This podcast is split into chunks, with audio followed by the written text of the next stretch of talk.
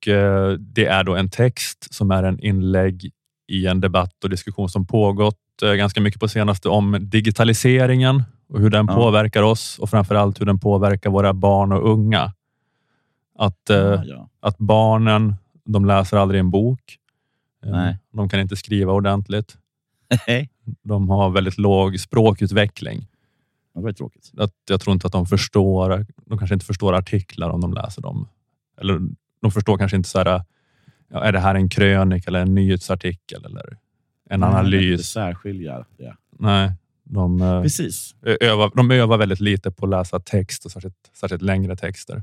Eh, och eh, kan liksom inte sätta dem i kontext då kanske och, och så vidare. Det här är ju en krönika. Eh, Hör man aldrig någon utbrista nu för tiden. Nej, precis. Nej.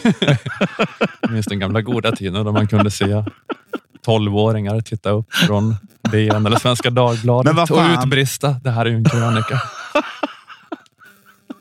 Jag sitter ju och läser en fucking jävla krönika. Insåg jag nu.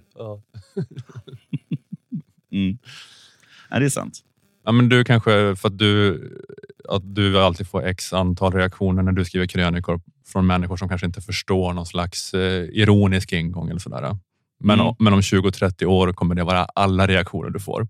För att alla kommer, alla, alla kommer bara läsa den texten och bara, vad är det här? Det kommer information från samhället och den är jättekonstig. Och alla kommer bli helt... Det kommer bara bri- brinna i hjärnan på alla.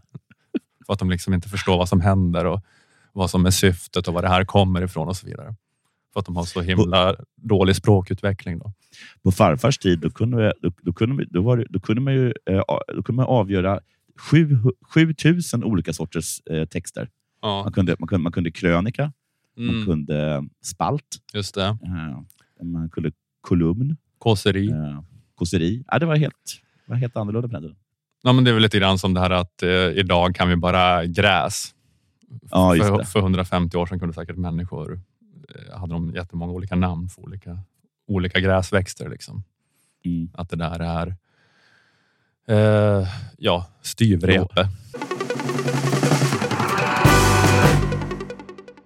Det här var ett litet smakprov för att få tillgång till detta avsnitt och eh, samtliga avsnitt bakom väggen.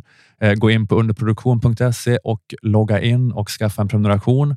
Det kostar endast 29 kronor i månaden och då kan du höra alla fem avsnitt som släpps varje månad och inte bara de två som släpps här i gratisfiden.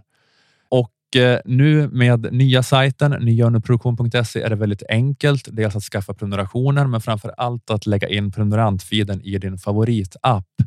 Eh, det är inte det där krånglet det var tidigare med att klistra in eh, URL och skriva in användarnamn och lösenord, utan det är bara att trycka på en knapp.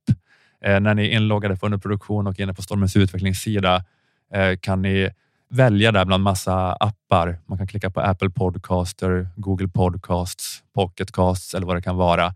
Ni kan från en lång lista där välja en favoritapp och så öppnas poddflödet automatiskt i den appen.